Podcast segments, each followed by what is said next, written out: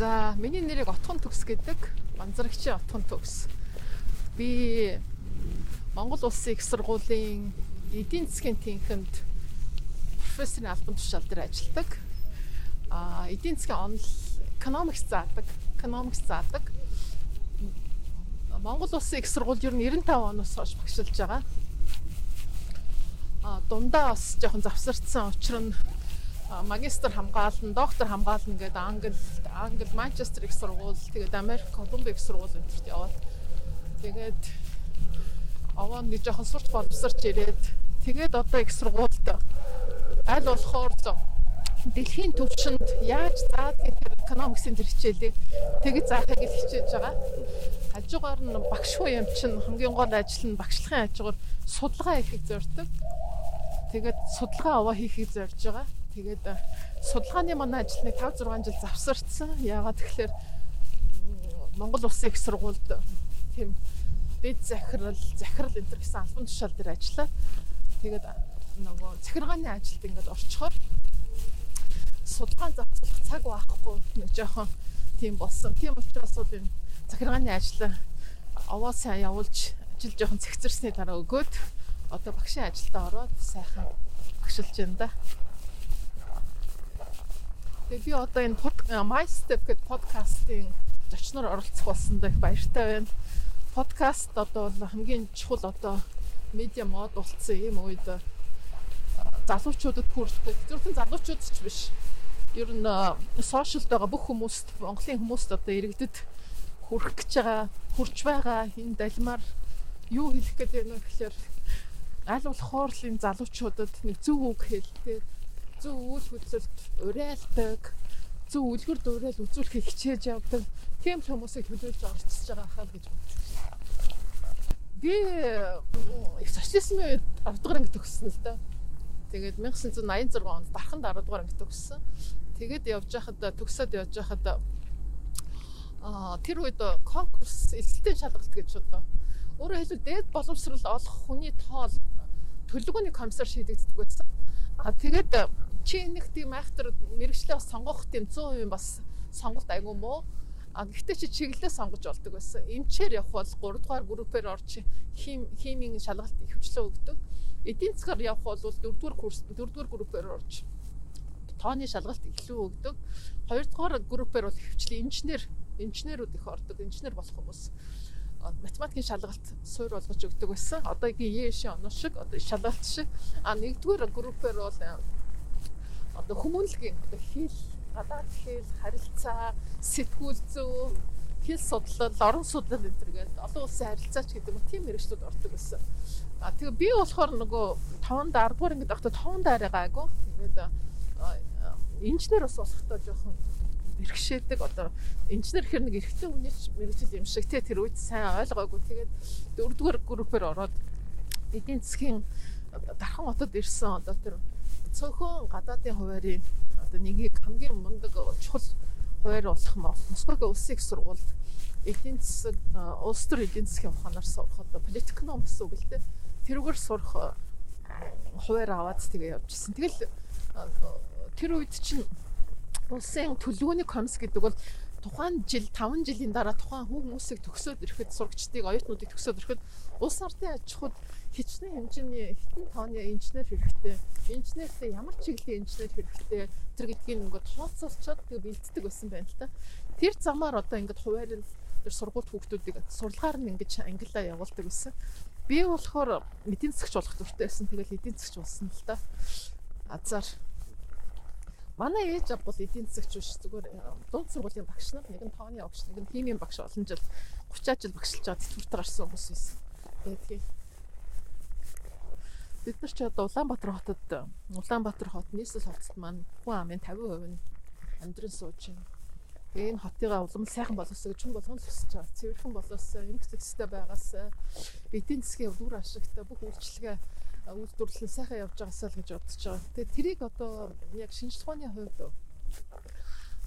шийддэг, шийдлүүд нь гаргаж өгдөг нэг салбар бол эдийн засаг. Тэгээ тэр дунд хотчлтын эдийн засаг, англиар urban economics гэдэг том том сургуулиудад заадаг л да. Манай Монгол улсын их сургууль Urban Economics орчлтын эдийн засаг гэсэн хичээлийг санал болгодог. Санал болгодог. Энэ хичээлээр одоо энэ юугаар юу үздэг юм бэ гэхээр одоо хотын хотод тухайн хотод X те X гэсэн хотод амьдарч байгаа хүн амаас нь хамаарат хүн амын насны бүтцээс хамаарат хичнээн хэмжээний цэцэрлэг байх ёстой юм хичнээн хэмжээний сургууль байх ёстой юм. Хичнээн хэмжээний дэлгүүр байвал тооны дэлгүүр байх ёстой юм.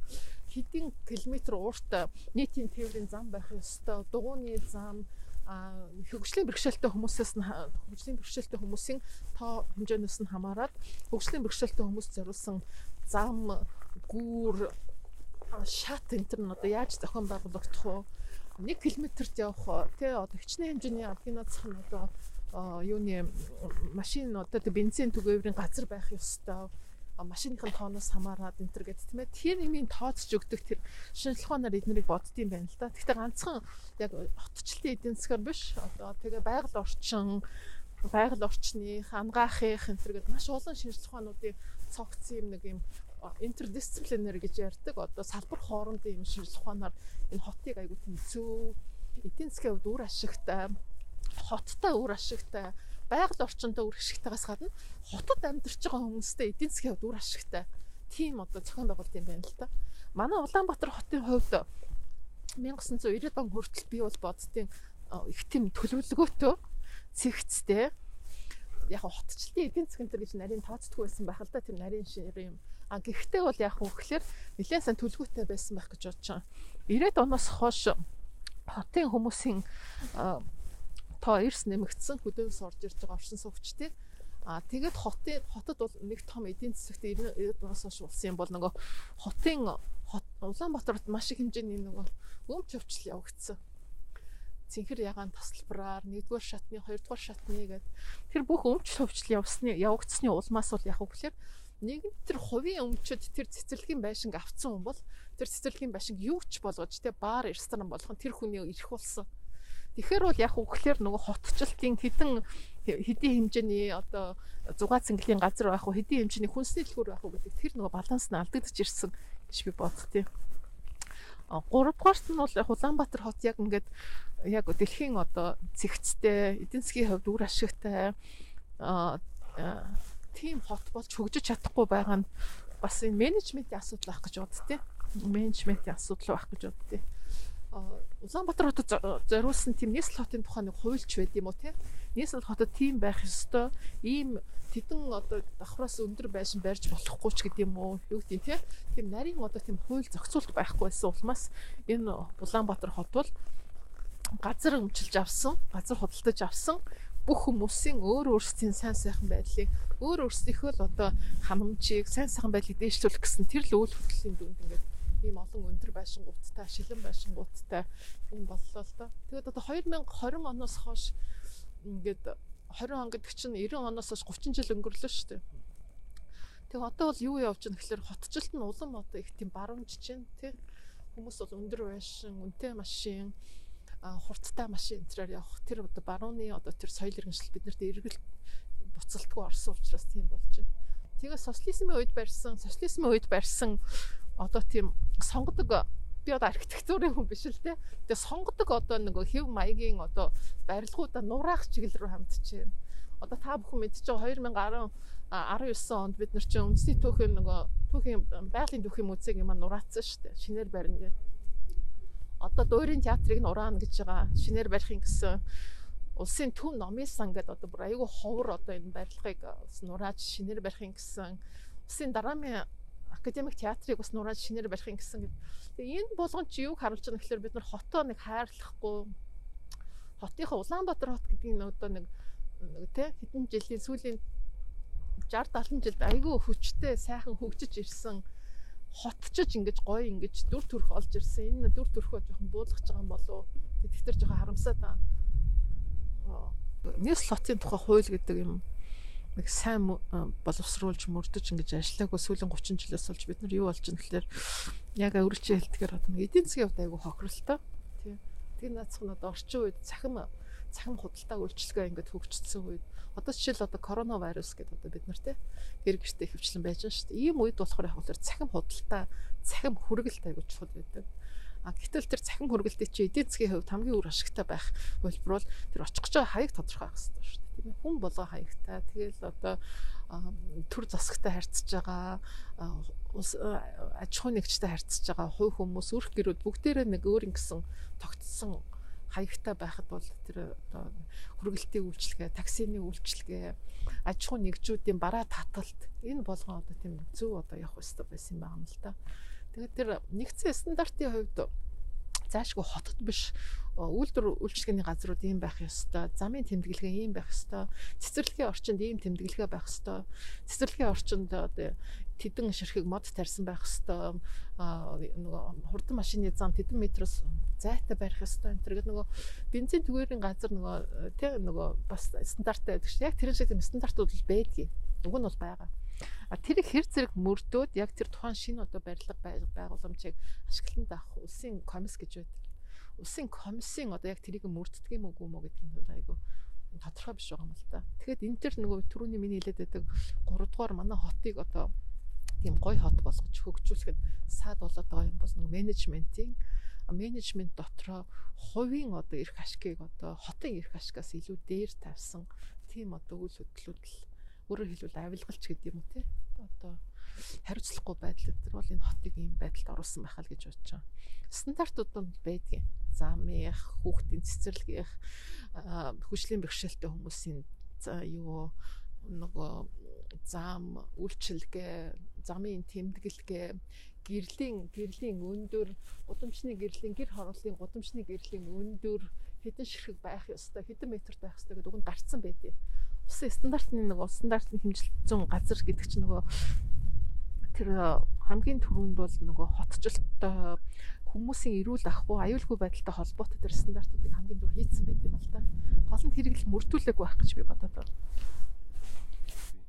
Аа манай Монгол улсын их сургуульч одоо 20-од мянган оюутнуудтай идэвхтэй яг хичээл аваад семестр болгонд суралцдаг 18 мянган оюутнуудтай 2000 нөгөө чөлөө энэ авцсан байдаг шүү дээ. Цэрэгт явсан гадаад хэлний бэлтгэлд явсан ч гэдэг юм.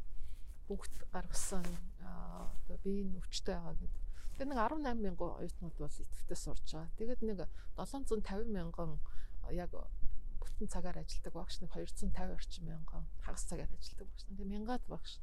Тэгээд 650 одоо ачхуун одоо захиргааны ажилчид байна л да. Тэгэд одоо ингээд энэ том байгууллага болоо хамгийн гол одоо гарцуул оюутнууд байгаа чанартай оюутнууд чанартай оюутнуудыг бэлтгэх хамгийн том орцуул би одоо нэг үйлдвэрлэлийн функцээр яриад байна л да. Хамгийн том орцуул сургалтын хөтөлбөр байна.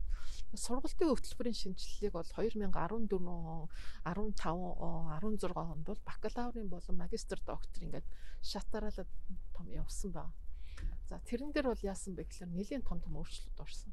Тэгээд за хичээл болгоны одоо хөтөлбөрийг бол яг өгөхлөөр бүр гурван шинэ мэрэгжил одоо шинэ анги нээх, шинэ хөтөлбөр нээх энтрийг бол зүгээр нэг тэнхмийн эрхлэгч нар шийддэг гэсэн урд 2014 оноос.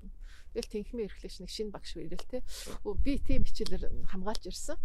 PhD одоо те хотын хотын зохион байгуулалтаар газар зүйн хотын зохион байгуулалт. Одоо хотын зохион байгуулалт гэсэн тийм анги нэнэ гэл те. Тэгэхээр өө за наа ч өстой гоё юм байна гэдээ одоо ингэ тэгдэг.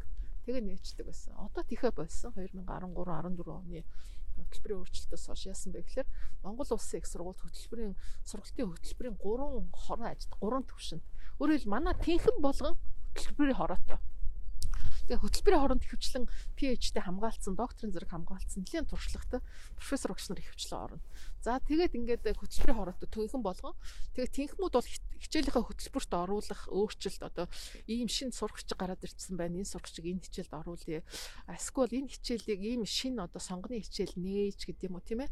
Энэ болгоныгоо тэнхэн ингээд шийдээд тэгээд тэнхмийн хурлын протокол одоо хөтөлбөрийн хорооныхны одоо хурлын протоколоор дэмжигдсэн тохиолдолд сургуулиуд руу явуулна. Манайх чинь 5 сургуультай шүү дээ бизнесийн сургууль, хуулийн сургууль, олон улсын нийтийн удирдлагын сургууль, тэгээд шинжилгээ ухааны сургууль, тэгээд э, хэрэглээний шинжилгээ ухааны инженерчлэгийн сургууль гэх таван сургуультай. Ингээд таван сургуулийн захиргаалууга тэнхүүд нь явуулна харьяалагдах сургууль руу. Манайх бол шинжилгээ ухааны сургууль руу харьяалагддаг. Шинжилгээ ухааны сургууль руу явуулна. Шинжилгээ ухааны сургууль нь өөрөө том хөтөлбөрийн хороотой бүр ингээд айгу том. За тэгээд шинжилгээ ухааны сургуулийн хөтөлбөрийн хороо орно. Тэгээд тэр хөтөлбөрийн хороон дээр болохоор гол нь болохоор яг үлэр зөвхөн эдийн засгаас ирсэн биш тэн дээр чинь бол яг биологи, физик тий тэгэл антрополог, социолог энэ төр гээд тэр олон хөтөлбөрүүд одоо ингээд профессорууд орж ирнэ. Тэгээд тэд нар нэгэ тэр шинэ хөтөлбөрийг шинэ хичээлийг ингэж харж яснаа аа энэ чинь их зүгээр юм байна. Аа энэ дээр ийм саналтай байна. Энийг нэг жоох манай салбар хоорондын ийм ийм ертөнцид ажиллаж байгаа эднэртэй хамтраад энийг сайжруулах хэрэгтэй гэдэг ингээд бүр ингээс бүр ингээд сайн сайн болгож шигшиж одоо сайжруулж байгаа. Тэгээд зарим нь дэмжин зарим нь дэмжихгүй батгалцсан хариу өгнө. Одоо энийг бол жишээлбэл одоо нэг чухал мэрэгжил бай гэж бодъё л та. Тэгэхээр тэрүүгээр ажлын байр байхгүй гэж бол өсөд гардлаа гэхэд тийм ажлын байрны эрэлт манай Монгол улсад байхгүй байна гэдгийг хөтөлбөрийн хороо тогтоовол тэр хөтөлбөр дэмжигдэхгүй. Жишээл одоо одоо манайх бол жишээл одоо эдийн засаг дээр ийм хөтөлбөр нэ гэж бодъё л та. Аа одоо хотчлтын эдийн засаг гэсэн тийм бүхэл бүтэн хүн бэлддэг тийм хөтөлбөр нэ гэхэлэр үгүй үгүй эдийн засгаар яваад хотчлтын эдийн засаг илүү үтсэн тийм хүнийг бэлдсэн дээрээ гэдэг татгалзах жишээтэй. За тэгээ сургуулийн хөтөлбөрийн хороо тэгээ дэмжижүүл манайхан хөтөлбөрийн ерөнхий хороо гэдэг Монгол улсын их сургуулийн бүр хамгийн уртаа байрдаг шилдэг профессорууд нь орсон 20 профессорууд орсон ерөнхий хөтөлбөрийн ерөнхий хороо гэж байна. Одоо Монгол улсын их сургууль даяар. Тэд нар бол хамгийн томоор хардаг хүмүүс. Одоо энэ эх 10 жил Монголын одоо Монголын эдийн засаг нийгэмд ямар мэрэгчлэлтэн чухал хэрэгтэй байна вэ? Монгол улсын их сургуулийн багш сургалтын тоног төхөөрөмж лаборатори энэ болгон чи юугаараа давуу болоод энийг бэлдэж чадах уу?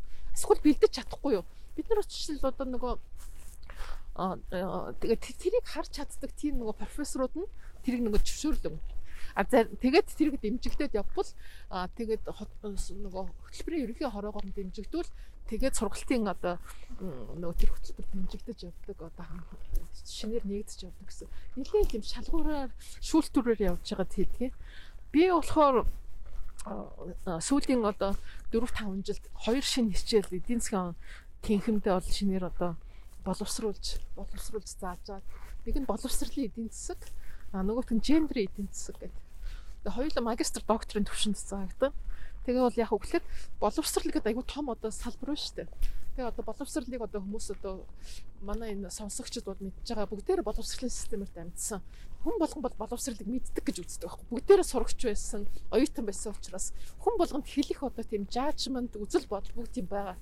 Гэтэл боловсрал гэдэг том зах зээл тэр салбарыг эдийн засгийн талаас нь үнэлж дүгндэг, хэмждэг тийм одоо тийм салбарын одоо тэр хичээлийг боловсролын эдийн засаг гэж нэрлэдэг.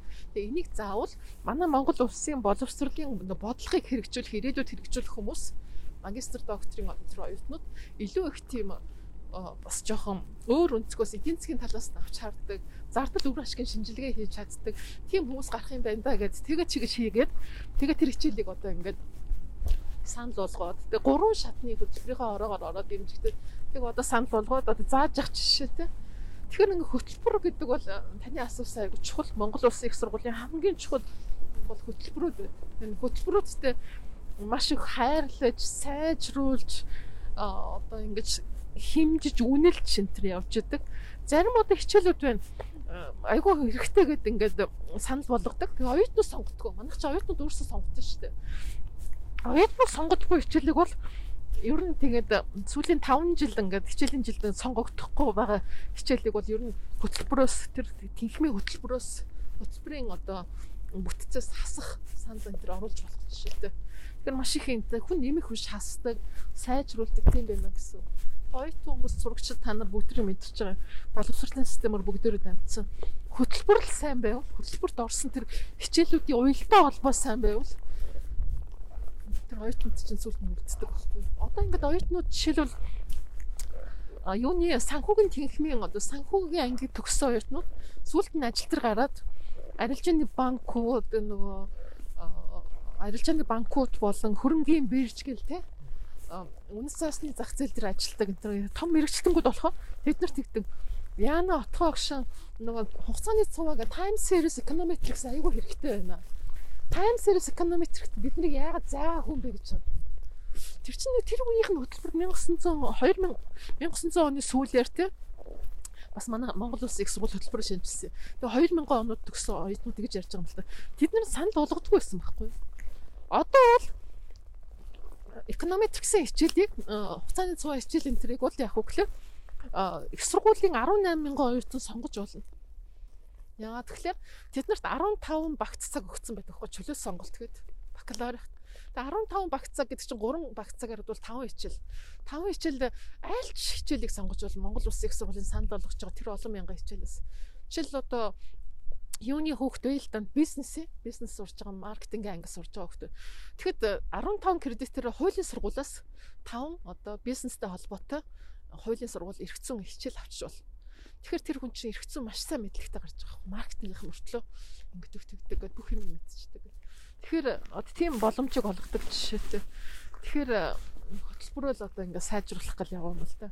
Нэг жоохон Монгол улсын их сургуулийг жоо магтсан дуу тийм подкаст ярьж байгаа. Гэхдээ энийг хийх гэж бас нэлээд зовж байгаа юм бид нар. Одоо дахиад сайжруулаад явж байгаа. Хөтөлбөрийн хорооны ажиллах журамтай, хөтөлбөрийн хороонд ажилладаг багш нарын хүлээг хариуцлагын үүрэг журамтай нэлээд л гайгүй цэгцрээ явж байгаа. Улам сайн цэгцрэх байхаа л гэж найдаж байгаа шүү. Би нэг тиймэрхүү ажил хийсэн нөгөө дарах зэрэг байх та. Тэгээ одоо тэд нарыг овоо цэгцэрсний нараад болоод одоо ингээ сайхан багшаа хийгээд айгу сайхан явж байна энэ бид нар энэ хүлээгээг байгаа шүү дээ. Тэгээд нөгөө энийг бид нар эдийн нь шок гэж нэрлэдэг. Одоо тий хүлээгдэж байгаагүй. Тэгтээ болцсохгүй. Тийм эрс том эрсдэл тийм шок боллоо л да. Зөвхөн манай Монгол улсад биш нөгөө хамгийн гол худалдааны түнш болох хятад улсад. Тэгэхээр энэ гурван гурван төвшөнд ер нь дөрвөн төвшөнд айгүй том нөлөөлөл. Нэгдүгээр төсвийн одоо улсын түвшинд төсөв гэдэг юм аа Тэгэхээр нэг сар л одоо бид нар одоо нүүрсээ экспортлж чадахгүй ингээд зогсож байгаа юм чинь. Тэгэхэд бол одоо жишээлбэл 2020 он гэхэд 46 сая тонн одоо нэг нүүрс гаргана гэж байгаа. Ингээ гэтэл одоо ингээд нэг сар тоохоор нэг 4.6 ч юм уу тийм одоо сая тонн нүүрсэ гаргаж чадахгүй бол ойролцоогоор ингээд нэг 75 доллар нэг тонныг ингээд зарж байгаа үнээр нь хамгийн багаар нь ингээд бодоход бол 260 сая доллар нэг сард алдчихна гэсэн. 200 260 сая гэдэг чинь 260-ын арталт 6 тэг байж байгаа шүү дээ доллараар. Тэрийг 2000 2700 тий 50 төгрөгөөр үржүүлэхээр ямар их мөнгө гарах вэ тий? Тэр мөнгө төсөвт орж ирэхгүй юм а гэсэн. Тэр тийм их мөнгө одоо ингээд төсвийн одоо орлого алдагдах нөгөө тасалдах нөгөө орлого орлого төсвийн орлогоор ч л бид нар бол вэ гэхээр нөгөө тэр юунаас авч ирсэн одоо 260 сая долларын одоо борлуулалтаас авсан ашигын одоо 10% гэхэд чинь 26 сая доллар тий 26 сая долларын одоо тэр төсвийн авдагтал ингээд төсөвт учирч байна гэсэн. Тэгэхээр нөгөө нэг цэцэрлэг, сургууль нийгмийн одоо нэг халамж үйлчлэгээний одоо мөнгүүд тэр болгоо ингээд тасалдах тийм аюул гарч ина гэсэн. Угаасаа энэ төсөв чинь 2020 20 оны төсвийг 2 их 80-аар 2 их 80-аар одоо ингээд тасалдсан алдагталтай баталсан байна. 2 их 80 гэдэг чинь одоо 2 гэсэн тооны ард 6 12 тэг байна гэсэн үг шүү дээ. Тийм их мөнгөөр одоо бид тасалдсан нэг төсвийн алдагталтай бол. Тэгэхээр төсвийн алдагталтай төсвийн орлого орж ирэхгүй. Төрийн одоо энэ одоо халамж үйлчлэгээний мөнгө төгрөг тасалдах ч юм уу тийм хэцүү байдалд орно гэсэн. За хоёрдугаар төвшөнд бол аж ахуй нэгжүүд нөгөө Монгол улсын эдийн засгийг авч явдаг нөгөө дотоодын нийтлэгдэхүүний 60 70%-ийг бүрдүүлдэг аж ахуй нэгжүүдийн хамгийн идэвхтэй үйл ажиллагаа зогсон. Ялангуяа 2 3 сар чи юу гэсэн үг гэхээр нөгөө хаврын хамгийн эд үеийн бизнес эхлэх үеийн бизнес эхлэх үеийн хамгийн хөл хөдөлгөөнтэй нөгөө бараагаа татдаг. Бараагаа татдаг. Хамаг одоо түүхий идэ татдаг тэр үеүүд нь ингээд хэцүү байдалд оруул. Эн чи юу гэсэн гэхээр аж ахуй нэгжүүдийн нөгөө тийм энгийн жирийн одоо тэр тогтмол явуулчихсан үйл ажиллагаа жоохон доголдох Тийм учраас бол үйлдвэрлэлийн хэмжээ буурах, тэр улирлын тэр улиралд гарах гэжээс үйлдвэрлэлийн хэмжээ буурах. Тэрнээс болоод дахиад нөгөө төсөвт орох хэрэгтэй байсан татврын алдагдал гарч ирнэ л гэсэн. А 3 дугаар төвшөнд бол өрх гэрүүд байна. Өрх гэрүүд бол яг үгсээр өрх гэрүүд бол нөгөө энэ 2 сар 3 сард нөгөө хийх бүтээх гэжсэн төлөвлөж ирсэн айгүй олон юм зогсноо гэсэн үг. За хувь хүмүүс байна. Хувь хүмүүс байна. Яг цалин цалин тэтгэр а одоо тэтгэмж энэ төр бол зогсохгүй л дээ. Тэр орлого нь бол яг орж ирнэ гэж бодож байгаа. А хувь хүний хувьд одоо энэ бизнесийн, боловсролын одоо энэ бүх үйл ажиллагаа, үйлчлэгээний энэ үйл ажиллагаа зогсохоор хувь хүмүүсийн хувьд ч гэсэн нөгөө тэр жилд төлөвлөжсэн тэр төлөвлөгөө ингээд өөрчлөгдөх шоконд ороод тэр нь биелэхгүй байх цаг хугацаа алдах ч гэдэг юм уу. Тийм эдийн засгийн тийм том том өөрчлөлтүүд орж ирнэ л дээ. Тэгэхээр энэс яаж гарах уу гэхээр энэс яаж гарах уу гэхээр нөгөө улс орон эдийн засаг тэгээд аж ахуй нэгжүүд өрх гэрүүд гуруула энэ том том энэ гурван одоо эдийн засгийн гурван том тоглогч чинь төвшин болгондоо тийм нөгөө эрсдлийг даван туулдаг одоо даван гардаг өөрийн гэсэн нэг тийм төлөвлөгөө өөрийн гэсэн нэг бодол өөрийн гэсэн стратегтэй байдаг байх юм л дээ. Тэгээ энэ сүүлийн одоо жилүүдэд бид нар энэ стратегийг хийж чаддаг болсон уу? Нөгөө төсвийн хүрээнд, засгийн газрын хүрээнд, аж ахуй нэгжүүдийн хүрээнд, албан байгууллагуудын хүрээнд, айл гэрийн хүрээнд тийм ээ. Айл гэрүүд одоо яаж ир? Бушуу гошин маск худалдаж авч шүү дээ тийм ээ. Гар хариулах материал худалдаж авч юм. Гурил тутайгаа нөөцөлж авч юм гэдэг. Энэ бүх юм чинь энэ одоо нэг зөв юм үйлдэлүүд хийж чадчихвэл энэ энэ халдварт өвчнийг маш одоо тийм сайн давж гарах байх л гэж бодож байна. Тэгэхээр би нэг өөрөө эдийн засагч хүн болохоор ингээ хараад тахад одоо нөгөө англи хэлэнд байд юм л да. А every cloud has a silver lining гэж ярьдаг. Одоо одоо муу юм болгоно муу юм тохиолдож гэсэн тэр бол сайн талтай байдаг гэсэн үг. Өөрөөр хэлбэл яг хөөхлөөр одоо коронавирус гэдэг нэг хэцүү юмнаас болоод Монгол хүмүүс бол яг хөөхлөөр аж ахуй нэгжүүд за одоо ийм янз бүрийн одоо шок орж ирвэл засгийн газар яах вэ? Аж ахуй нэгжүүд манай компани яаж явах ёстой юм? Цахим үйл ажиллагаагаа их сайн хийх ёстой юм байна. Цахим борлуулалт, цахим одоо тийм ээ хүргэлт энтрээ сайн хийдэг байх ёстой юм байна гэдэг. А өрх гэрүүд хувь хүмүүс болохоор хувийн ариун цэвэр сайн сахих ёстой юм байна гараасаа угааж явах хэрэгтэй юм байна. Амдын хаарт дандаа зүүж явах хэрэгтэй юм байна гэдэг юм уу тий. Энэ болгоныг ойлгож авсан айгу тийм том сургамжтай их тийм том чухал юм боллоо л гэж би бодож байна л да. Одоо Монгол Улсын их сургуулийг харъя. Одоо 2000 2 сарын 2-наас эхлээл 2 сарын 3-наас эхлээл 3 сарын 30 хүртэл бид нар бол яг хөвлөр нөгөө ихтэй сургуулиудын 10 жилийн сургуулиудын тэгээд сургуулийн өмнөх боловсролын үйл ажиллагааг хаацсан байгаа учраас цахимаар хичээл явуулж байна шүү дээ. Одоо мянган багш цахим хичээл хийж байна. А энэс өмнө энийг харцсан байсан сургуулиуд байна. Шүтээс байна ангаахын э, шинжлэх ухааны үндэсний их сургууль байна, санхүү эдийн засгийн сургууль байна, МΟБЭС байна. энэ төргээд сургуулиуд бол Монгол улсын их сургууль бүгдээр эхлээд нөгөө ингээд нөгөө цахим сургалтанд аягүй сайн хийцсэн байсан байгаа аахгүй юу. А гэхдээ 100% нь бол биш одоо энэ байдал юу бид нар коронавирус гэдэг энэ хэцүү байдлыг бид нарт юу гэж ойлгуулж байгаа гэхээр боловсролын төвшөнд хүртэл одоо яг хөлөр цахим сургалт хийх хэрэгтэй юм байна. Цахим сургалтыг хүргэх хэрэгтэй байна гэдэг. А хувь хүмүүсийн хувьд ээж аав нарын хувьд хүүхдүүдийн хувьд суралцагчдын хувьд бүх шатны суралцагчдын хувьд цахимаар суралцсан гэдэг чинь ийм юм байд юм байна зүгээр тэл мэдэж авч байгаа сурж байгаа байхгүй. Тэгэхээр эн чинь нөгөө муу юмны цаанаас бас яг нэг тийм сайн үр дүн гарч ил байна л да. Тэгээд тийм л үр дүнтэй байна уу даа гэж харж байгаа. За тэгвэл подкаст э, ингээд дуусч байгаа юм байна. Ярилцлага. А энэ миний одоо 2100 85 дахь алхам байлаа. Тэгээд My Step гэдэг энэ подкастэнд оролцсонд их баяртай байна. Ер нь хөл хүн болгон л алхам алхмаар л урагшилж яадаг шүү дээ тий. Хүн анх хөлд ороод тэгээд алхам алхмаар явал одоо энэ насныг наслахтай ичнэж алхам алхсан байгаа юм билээ тий. Алхах болгондоо л одоо нэг сургамж авдаг. Нэг давж явдаг. Тим амьдралыг л бид нар туулж явж байна. Тийм учраас бол подкастын хамт олон бас My Step подкастын бол сонирхолтой хүмүүстэй бас ярилцаж сайхан мэдээлэл бусдад хүргэждэг. Тийм ажлаа сайн үргэлжлүүлж энэ алхмаа сайн хийгээсэй гэж бодож байна. А подкаст сонсож байгаа хүмүүс бол алхам бүр утга учиртай алхам бүр зоригтой тэг үр дүнтэй тийм л байгаас хүн болгоны хувьд л гэж бодож байна да. За баярлалаа.